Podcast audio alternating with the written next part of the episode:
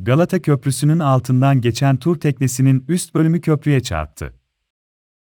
Dada yer alan habere göre Boğaz'dan Haliç'e ilerleyen tur teknesi Galata Köprüsü altından geçerken tentesi köprüye katıldı. Dün saat 11.00 sıralarında gerçekleşen olayda teknenin parçaları denize düşerken tekne seyrine devam etti.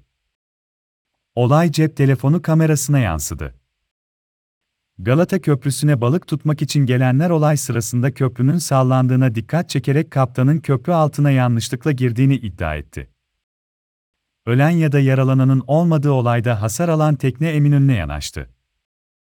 Sahil Güvenlik Komutanlığı'nın olayla ilgili tutanak tuttuğu öğrenildi.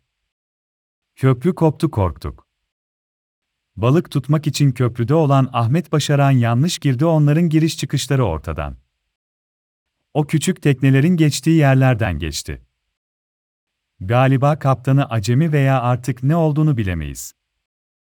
Yanlış girdi üst çatı komple gitti. Kaza oldu burada da arabanın makasları fırladı. Köprü koptu. Korktuk.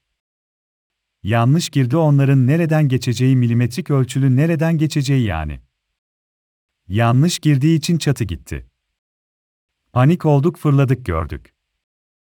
Üst kısmı gitti insan yoktu Allah'tan diye konuştu. Kaza olmasın diye makası topladık. Balık tutmaya gelen İsmail Ergün ise, normal geçmesi gereken yerden mi geçmedi neyin nesi sadece ses duyduk. Ondan sonra korktuk yalan yok. Normalde ilk defa böyle bir şey gördük biz. Çok ses yaptı köprü bayağı bir sallandı. Devam etti tekne durmadı. Arabalar yoldan geçerken makas kırıldı biz de kaza olmasın diye topladık. Üç parça birden fırladı.